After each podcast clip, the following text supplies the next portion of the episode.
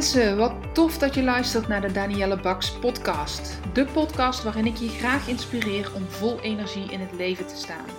Wat kun je doen om meer werkgeluk te ervaren? Hoe kom je erachter welk werk nu echt bij je past? En op welke manier verover jij dan jouw droombaan? Luister vooral verder als jij meer wil weten. Ik heb er zin in, dus laten we gauw beginnen.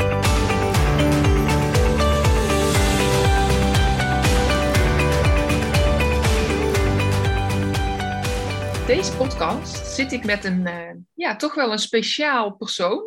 Um, in de afgelopen afleveringen waarin ik interviews heb gedaan of gesprekken heb opgenomen met mensen, waren dat veelal coaches of mensen die ook loopbaancoach zijn, uh, aanverwant aan, uh, aan de loopbaancoaching. En vandaag heb ik Evelien. En Evelien is arbeidsrechtadvocaat.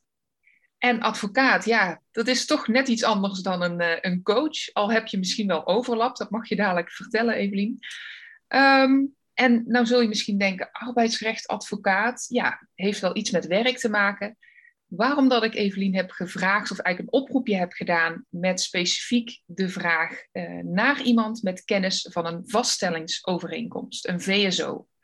Ik merk namelijk regelmatig dat klanten uh, bij mij komen dat ze een vaststellingsovereenkomst hebben gehad uh, met een werkgever en dat daar um, vragen over zijn. Ik merk ook dat klanten mij bellen met de vraag van, goh, mijn uh, werkgever begint over een vaststellingsovereenkomst. Wat moet ik daarmee doen? Wat is de informatie? En dan merk ik dat ik zelf daar niet alle antwoorden op heb, maar dat ik ook niet de persoon ben om daarover te adviseren. Dus ik dacht, laat ik eens een podcast opnemen om jou als luisteraar te informeren over, uh, ja, wat is een VSO, een vaststellingsovereenkomst en uh, wat, wat, ja, waar moet je op letten, wat, nou, de hele context. En daar uh, is Evelien op mijn pad gekomen. Evelien, welkom in de podcast. Dankjewel. Ik wil jou vragen of dat je jezelf even wil voorstellen. Zeker. Uh, nou, mijn naam is inderdaad uh, Evelien Buters en je hebt helemaal gelijk. Ik ben uh, inderdaad arbeidsrechtadvocaat en dat ben ik al sinds 2003.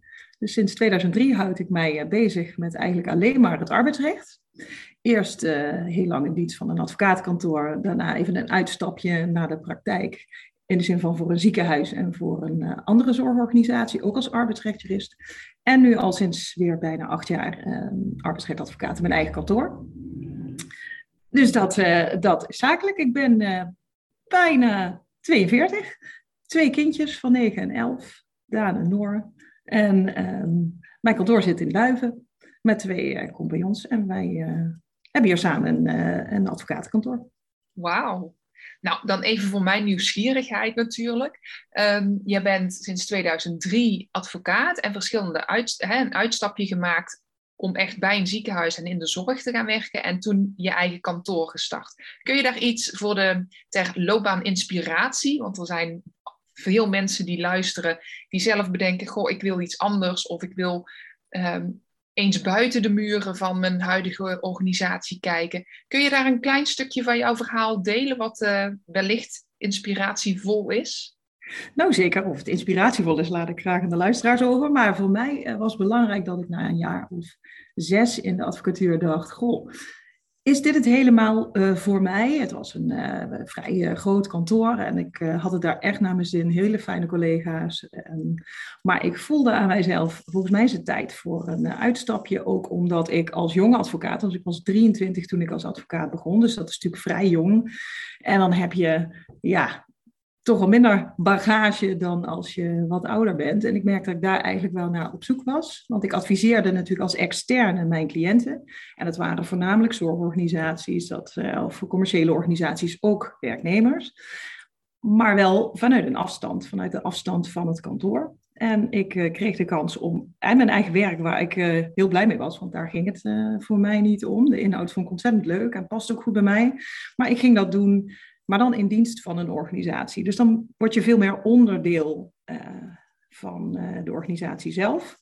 En dat uh, gaf mij de gelegenheid om echt van binnenuit, vanuit die werkgever, vanuit die organisatie, maar van ook uit, hè, ook als zelf als werknemer, mm -hmm. om van die kant mijn vakkers te bekijken. En dat heeft me heel veel gebracht, omdat je dat goed inzicht geeft in alle processen die in zo'n organisatie werken. Ik uh, bedoel daar niet mee dat ik uh, van A tot Z uh, natuurlijk dat allemaal helemaal meemaak. Maar je krijgt natuurlijk wel echt een kijkje in, in de keuken. Um, dus dat heeft mij veel, veel gebracht. Ook een bagage in die rugzak gestopt die ik heel goed kon gebruiken. En ik merkte na een aantal jaar ook weer... Ik wil weer graag vanuit de positie van advocaat mijn werk doen en niet als werknemer. Mm -hmm. En uh, toen dat moment uh, zich voordeed, toen uh, ben ik met mijn eigen kantoor gestart. En dat betekende ook, ik was wat ouder. ik wist wat meer van de wereld en van allerlei zaken. En ik wilde het heel graag op mijn eigen manier kunnen doen. En dat kan je natuurlijk veel beter doen als je je eigen bedrijf hebt. Ja. En nou bedien ik dus mijn eigen cliënten. Die zitten ook voornamelijk in de zorg en ook in de kinderopvang. En um, uh, op wat andere uh, vlakken. En daarnaast uh, sta ik ook heel veel werknemers bij. En als je zelf ook werknemer geweest bent, ja, dan is dat ook echt een, ja, een ander perspectief dan van een externe advocaat die toch echt bezig is met zaken doen van een afstand. Althans, zo heb ik dat ervaren. En dat is wat voor mij goed was in die tijd. En daar ben ik nu nog steeds heel erg blij met al die keuzes die ik gemaakt heb, gelukkig. Gelukkig maar. Ja. En ehm, heb je altijd al geweten dat je als zelfstandige aan de slag wilde? Nee, zeker niet. Want het zit absoluut niet uh, in ons bloed. Zeker in, in de zin van uh, mijn familie. Nee hoor, dus daar zitten geen ondernemers in. Dus het is echt iets wat op mijn, mijn pad is gekomen. En um, ja, waar ik eigenlijk als avontuur aan begonnen ben. Want het is natuurlijk altijd maar afwachten hoe dat dan voor je uitpakt. Maar ik dacht, ja, eh, in mijn geval dacht ik uh, bij twijfel uh, oversteken. Ik ga daar gewoon voor en daar heb ik geen seconde spijt van gehad. Super dapper. Ik weet dat vaak mensen daar met het idee van het ondernemerschap, of dat ze nu wel of niet al weten wat, waarin dan, waarin word ik ondernemer. Maar dat, dat idee vaak, ehm, bij sommige mensen die grijpen het meteen aan en die gaan aan de slag. Maar heel veel van mijn klanten, die spelen daar stiekem al heel lang mee. Maar durven die stap niet te nemen of weten niet goed hoe die stap te nemen.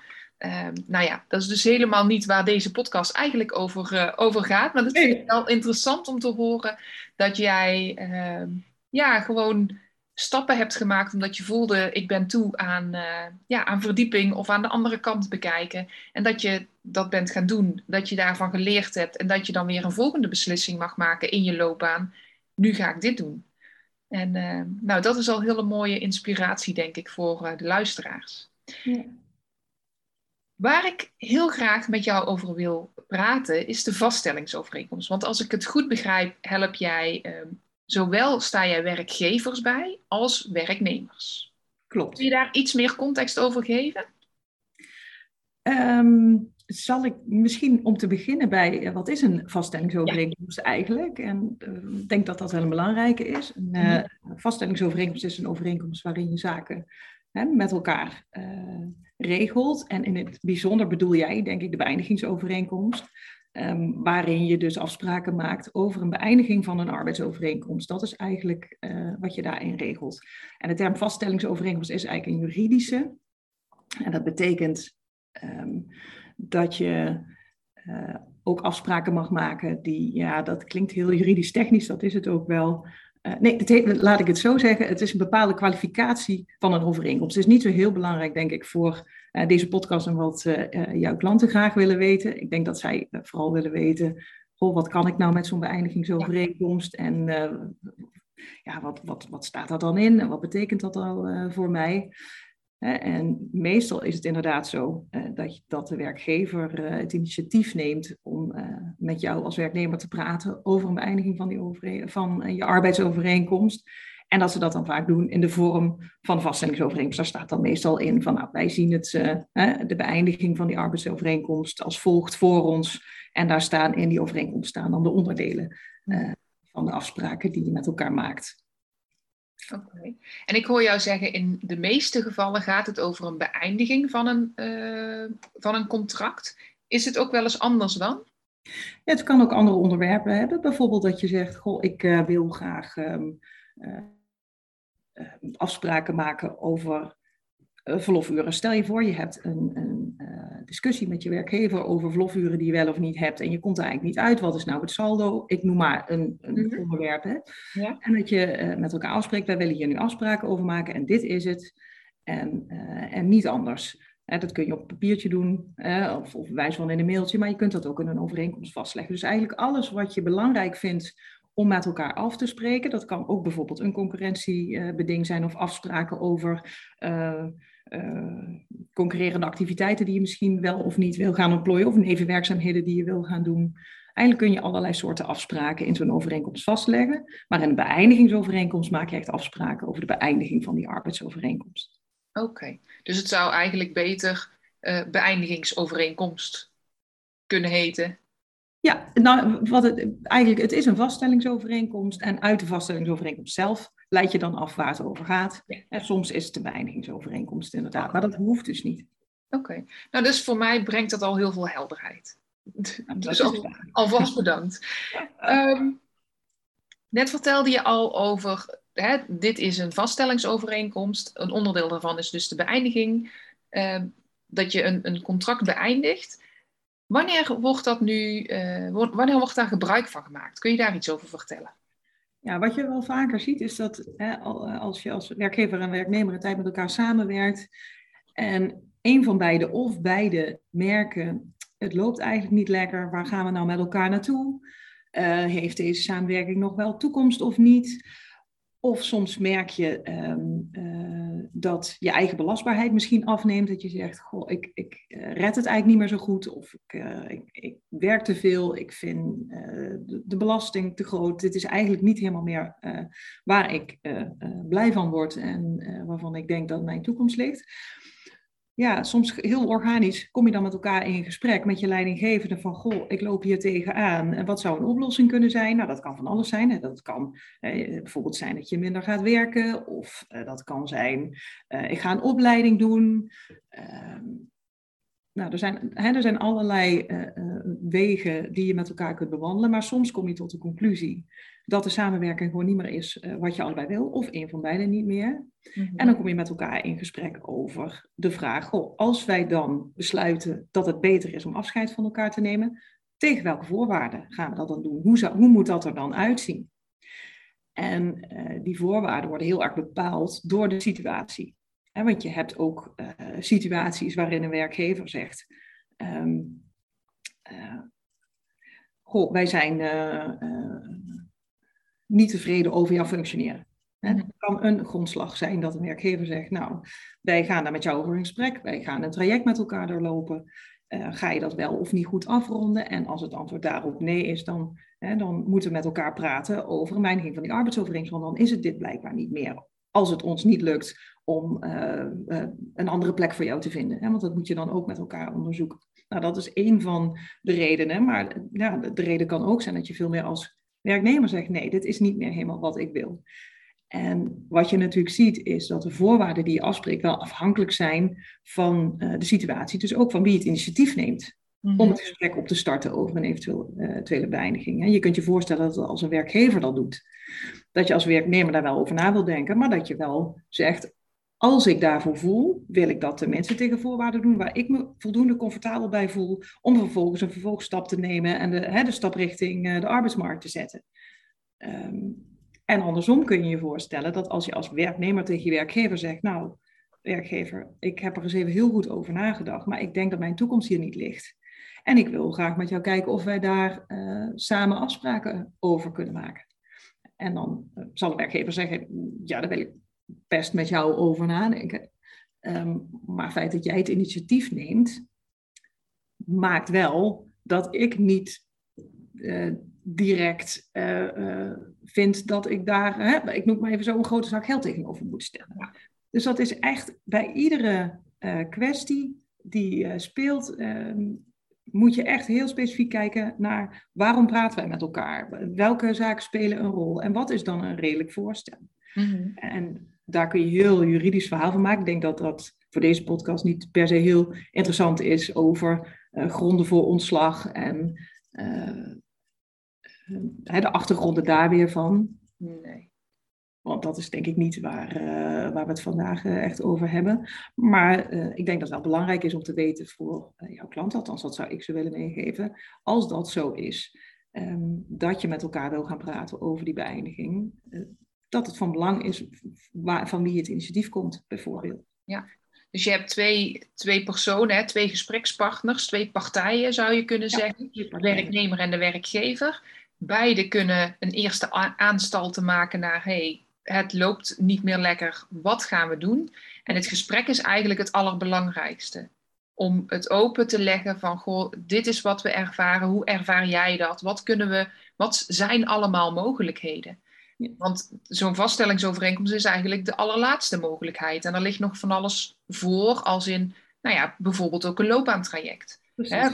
Als een werkgever ehm, twijfels heeft, of, dat, of er spelen dingen, of een werknemer heeft twijfels, beide kunnen ook daaraan denken. Beide kunnen denken aan een verbetertraject. Beide kunnen initiëren van, goh, ik wil gewoon eens ergens anders in de organisatie kijken. Of ga eens ergens anders in de organisatie kijken.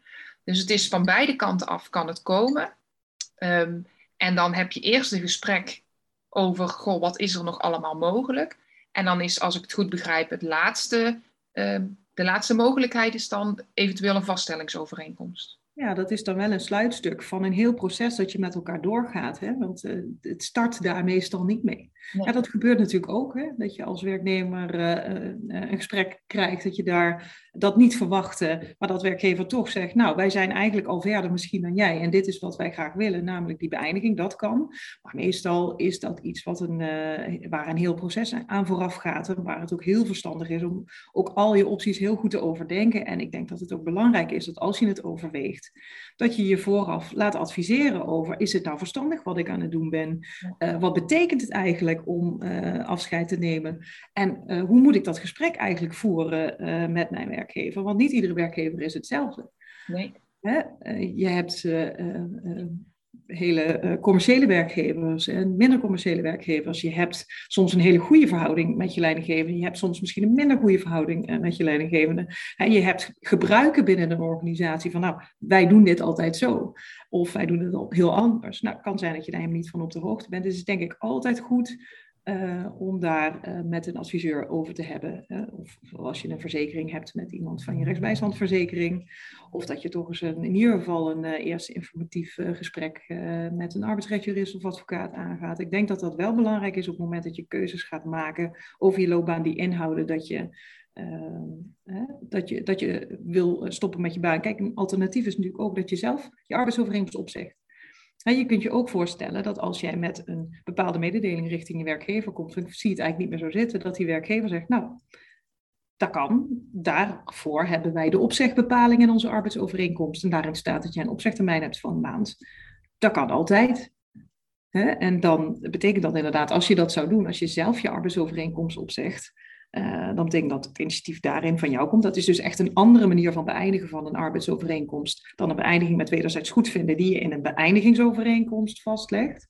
En dan betekent het ook dat je bijvoorbeeld geen recht hebt op een uh, WW-uitkering, want dan komt het initiatief uh, van jouzelf af dus het is echt heel goed om, uh, ik denk in, algemeenheid, maar hè, daarvoor komen mensen natuurlijk uh, ongetwijfeld ook bij jou, uh, om goed na te denken over wat, wat is mijn pad en wat vind ik belangrijk, wat wil ik en wat is goed voor mij.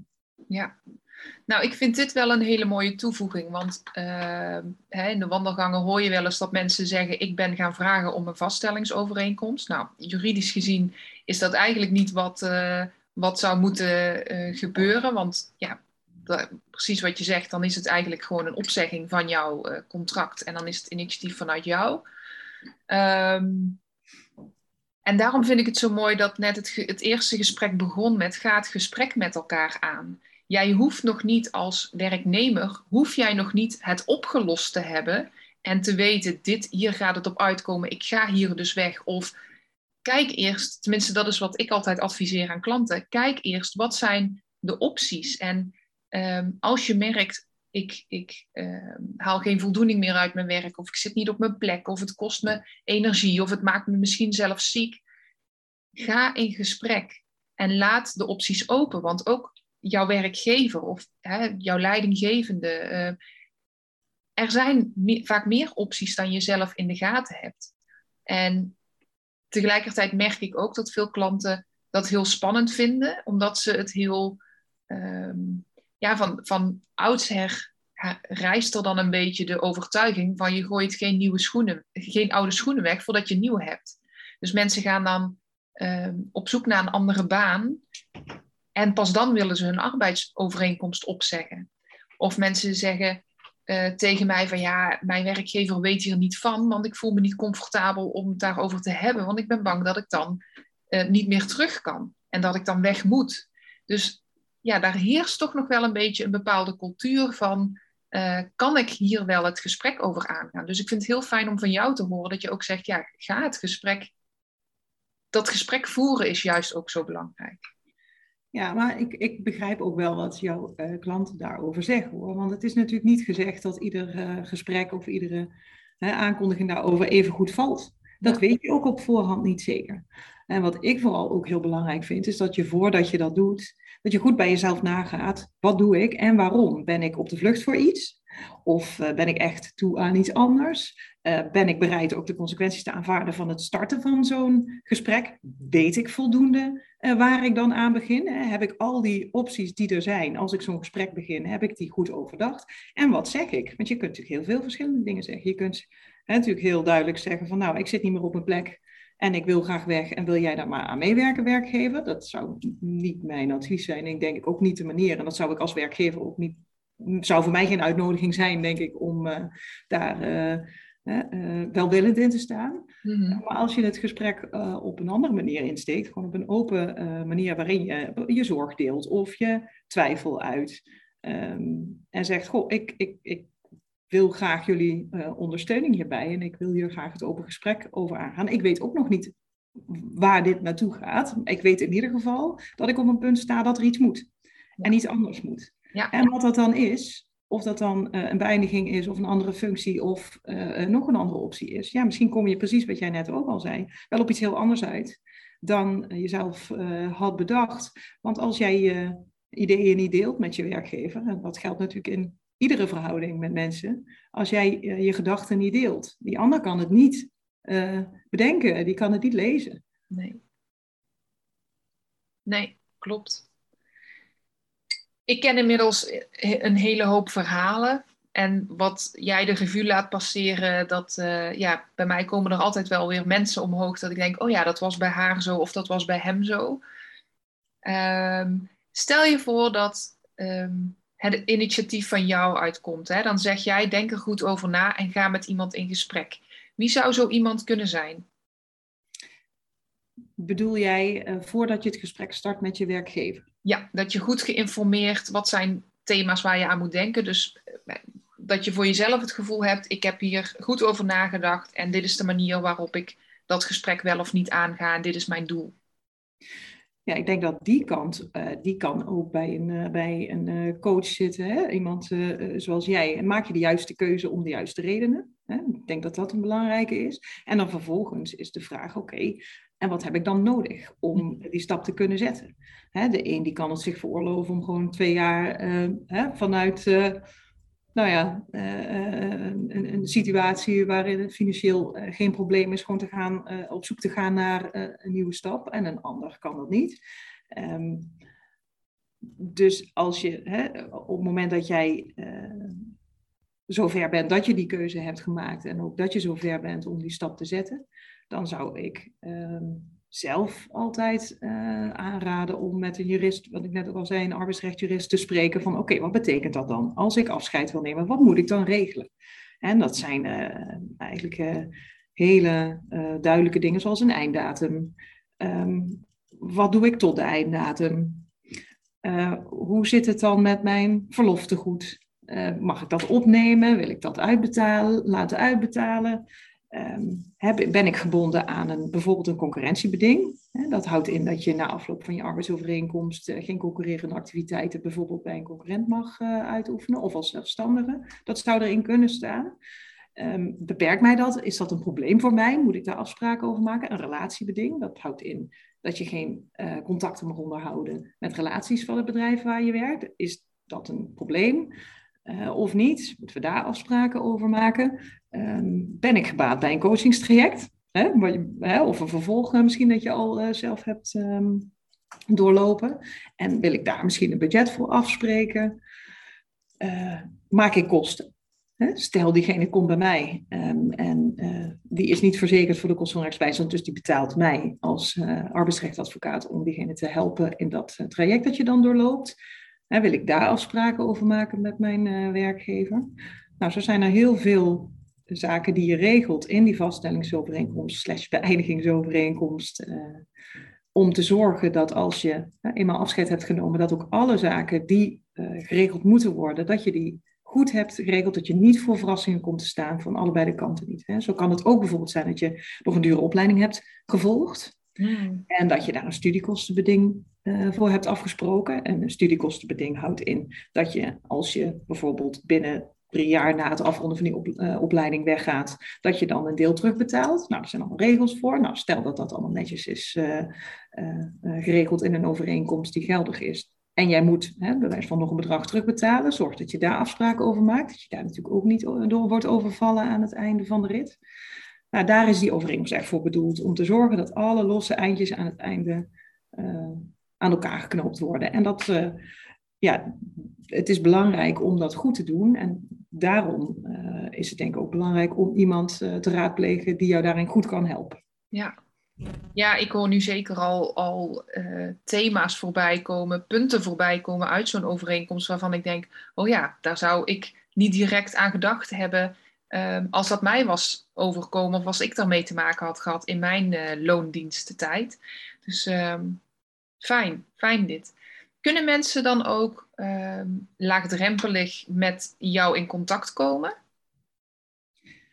Zeker. Zij kunnen mij, als ze mij zouden bellen, maar ja, hoe, precies. Hoe gaat dat dan? Ja, nou ja, even los van of het aan mij is of een ander. Je ziet, uh, er zijn heel veel uh, uh, arbeidsrechtadvocaten die gespecialiseerd zijn op dit vlak. Het arbeidsrecht op zichzelf is natuurlijk al een specialisatie.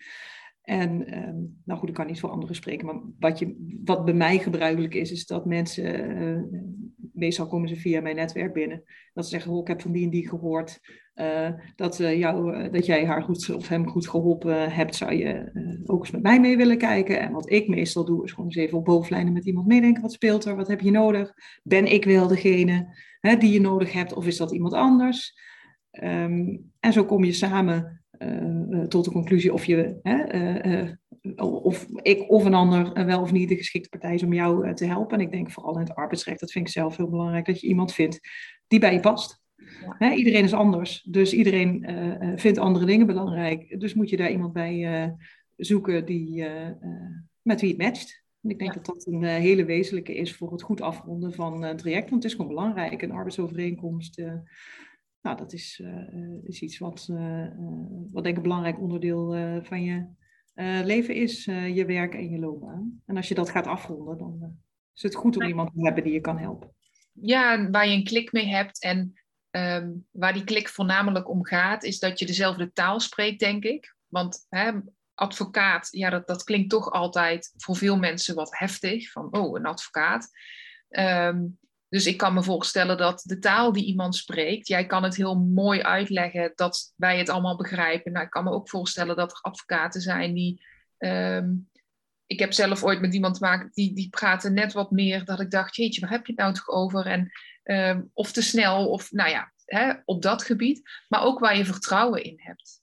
Dus het vertrouwen van, oh, deze persoon begrijpt waar ik mee zit. Of we hebben het over hetzelfde. Ik snap wat er gezegd wordt. Ik vertrouw deze persoon dat wij, ehm, ja, dat ik goed geïnformeerd ben nu. Dus dat is denk ik die klik waar je het dan over hebt. Uh, ja, zijn daar onderdelen in. Ja, ik denk dat dat belangrijk is. En uh, ja, nogmaals, daarom is het soms ook goed gewoon om meerdere mensen te spreken of in je eigen netwerk eens uh, rond te vragen van, goh, ken je iemand? Er is bijna altijd wel iemand die weer een arbeidsrechtadvocaat of jurist kent, met wie diegene goede ervaringen heeft. zo zou ik het zelf in ieder geval aanpakken als ik zelf iemand nodig zou hebben. Ja. En dan even heel praktisch, want jij zit niet hier in de omgeving van, van Eindhoven luisteraars van deze podcast zitten ook niet alleen hier in de omgeving, maar zelfs ook buiten Nederland hebben we luisteraars. Ehm, stel dat iemand nou met jou in contact kan komen, is dat altijd face-to-face of werk jij ook bijvoorbeeld via, zoals wij nu deze podcast doen, via Zoom of uh, ja, videobellen? Ja, wat dat betreft uh, is het natuurlijk de afgelopen twee jaar duidelijk geworden dat er heel veel meer uh, kan en ook werkt dan wij daarvoor misschien dachten. Alhoewel ik zelf wel altijd toch nog de voorkeur geef, in ieder geval tenminste één keer om elkaar gewoon te zien. Mm -hmm. Dat geldt met name op het moment dat mijn uh, cliënt een, uh, een, werknemer is en niet een werkgever. Dan vind ik dat ook nog wel wat anders. Dus ja, dat gaat inderdaad via alle kanalen die daarvoor voor beschikbaar zijn. Dat kan via Teams, dat kan via Zoom, dat kan telefonisch, dat kan hier aan tafel, aan mijn spreektafel. dat kan bij degene thuis. soms zijn mensen bijvoorbeeld langdurig ziek en is het gewoon mhm. minder makkelijk om naar het kantoor te komen. Of welke andere reden dan ook dat het niet prettig is. Nou, dan uh, kom ik op huisbezoek, zeg ik dan. dus dat is, uh, ja, dat kan eigenlijk via alle kanalen. Ik moet zeggen, mijn cliënten komen eigenlijk overal vandaan, uit heel Nederland. Dat is heel erg verspreid. Ook mijn uh, werkgevers, cliënten. Ja, nogmaals, ik denk dat het in ieder geval voor mij geldt voornamelijk komt doordat je in contact komt met mensen die bij je passen en andersom. Ja, ja. En dan gaat het daar toch meer over dan locatie ja. Alhoewel het heel makkelijk natuurlijk is op het moment dat iemand uh, een paar straten verderop zit natuurlijk. Hè? Dat begrijp ik heel goed. Ja, maar ik ben het helemaal met je eens dat dat, uh, ja, dat, dat het mooie is wat we dankzij de COVID-periode hebben mogen ervaren. Dat reisafstand, ja, de wereld is een stukje kleiner geworden doordat we zo makkelijk met elkaar kunnen, kunnen schakelen. Um, nu hebben we het net gehad over wanneer je als uh, werknemer ontevreden bent. Is er nu nog een, iets anders wanneer de werkgever komt met het, uh, uh, de boodschap van hey, net zei je al, wij zijn misschien al verder dan jij, maar we willen uh, richting een afscheid gaan. Of zijn die twee vrij identiek aan elkaar? Ehm, of heb je daar nog een aanvulling op als het vanuit de werkgever komt? Ja, nee, ze zijn zeker niet identiek. Omdat wat je natuurlijk ziet als werkgever het initiatief neemt, kan een opluchting zijn. Hè? Dat je als medewerker denkt, oh, ik ben eigenlijk wel heel blij dat werkgever hiermee komt, want ik voelde het zelf ook, maar ik voelde me niet vrij om erover te praten. Dat kan een optie zijn. Maar het komt ook heel regelmatig voor dat uh, de werknemer in kwestie, dat die persoon uh, zich overvallen voelt en denkt, is dit nu? Dit uh, had ik niet zien aankomen. Zo hoort het eigenlijk niet. Want uh, als je als werknemer verbaasd bent over de mededeling, we willen eigenlijk naar een afscheid gaan, dan in mijn ogen heeft de werkgever het niet zo goed aangepakt. Hè? Want dan zou je toch op zijn minst niet verrast moeten zijn. Hè? Dan verwacht je dat daar, waar we het net over hadden, een heel nou, proces aan vooraf gaat.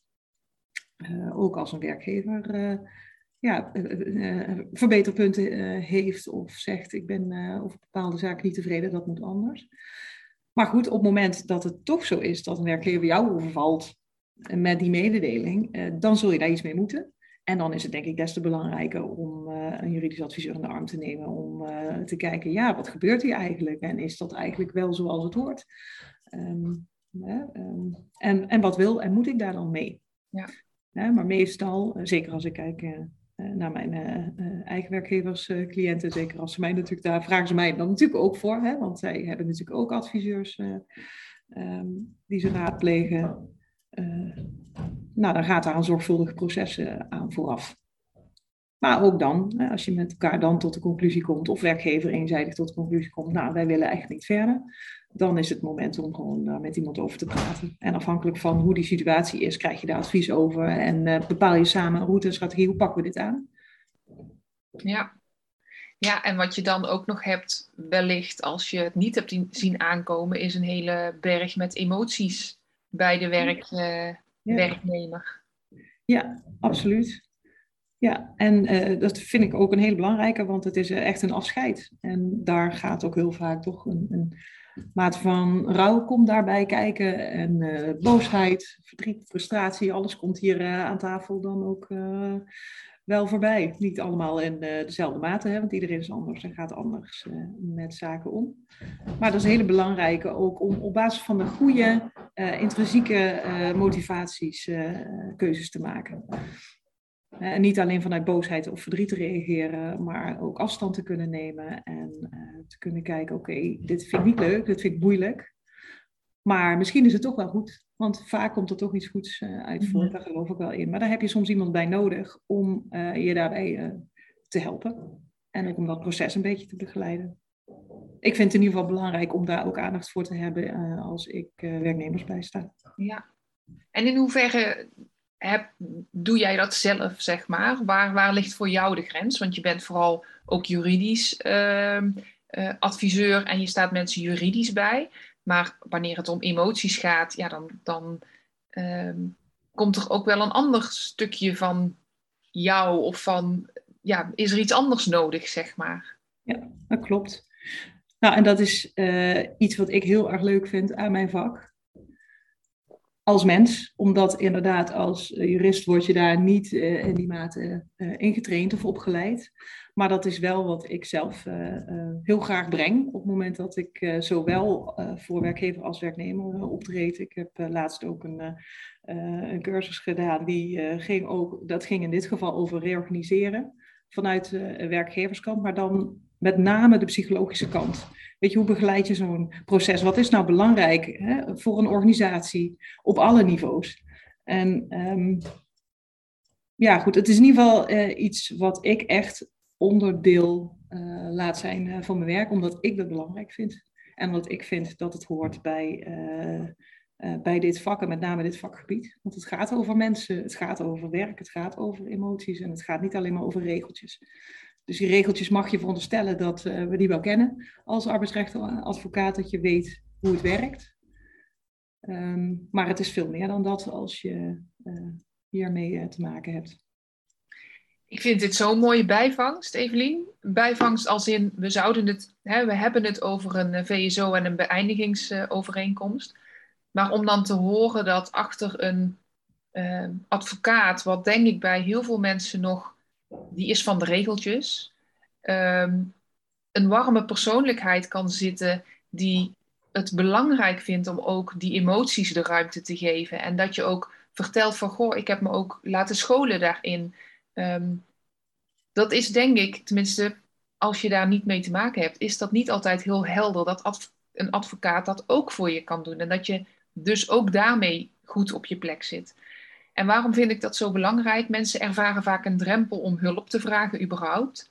Een drempel om hulp te vragen aan een instantie, aan een um, advocaat, een coach, een, maakt niet uit.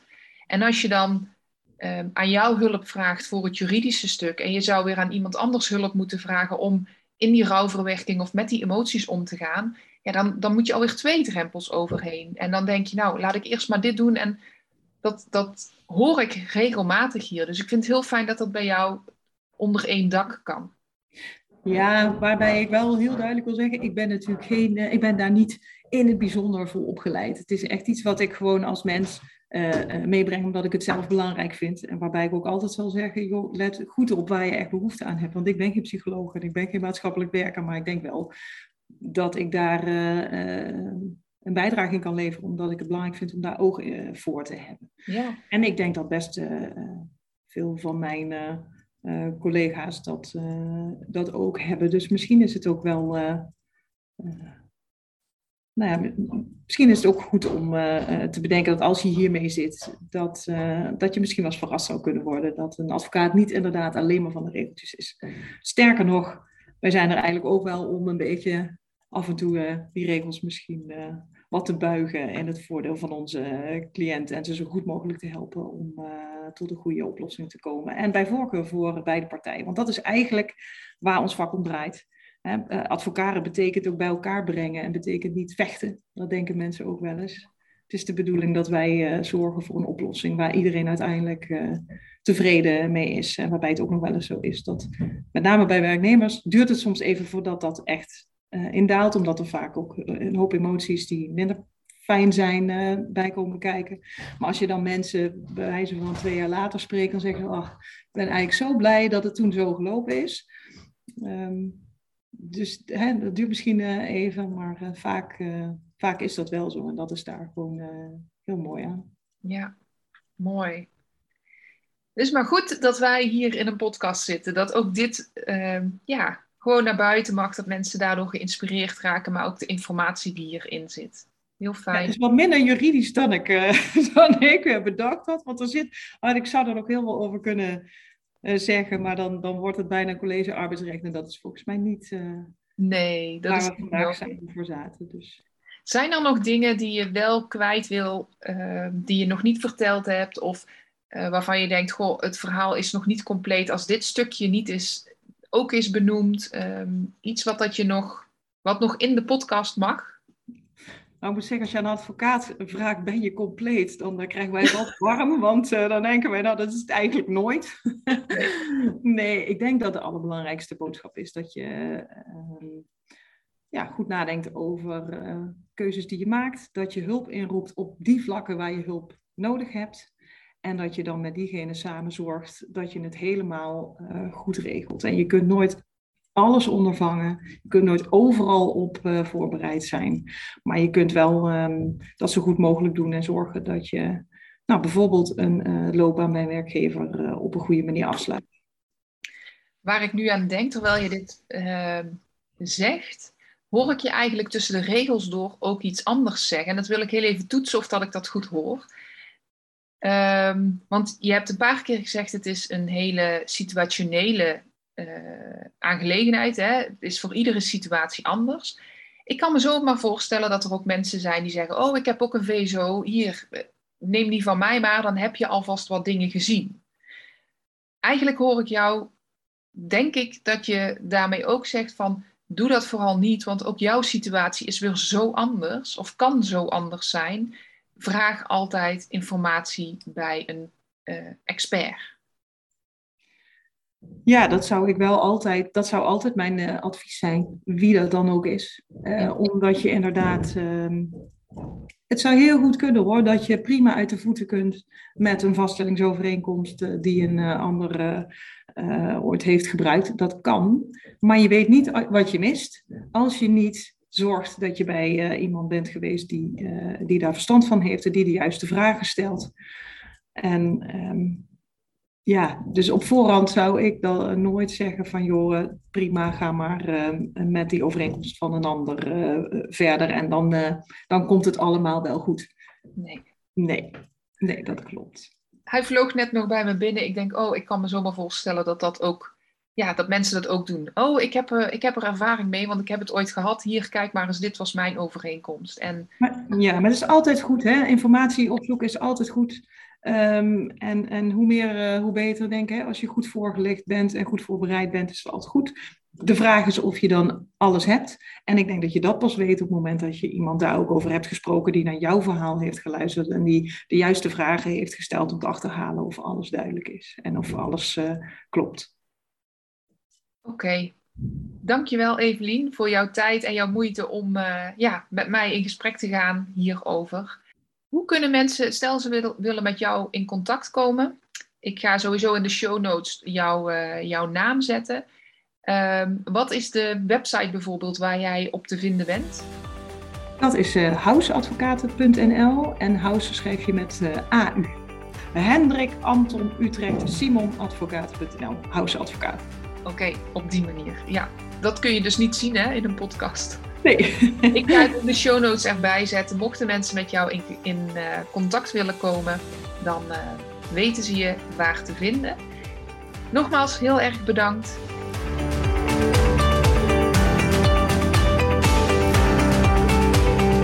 Mensen, dank je wel voor het luisteren naar mijn podcast. Mocht je deze aflevering interessant hebben gevonden, maak dan even een screenshot en tag me op Instagram Stories. Ik vind het ontzettend leuk om te zien wie er luistert en door te delen inspireer jij ook anderen.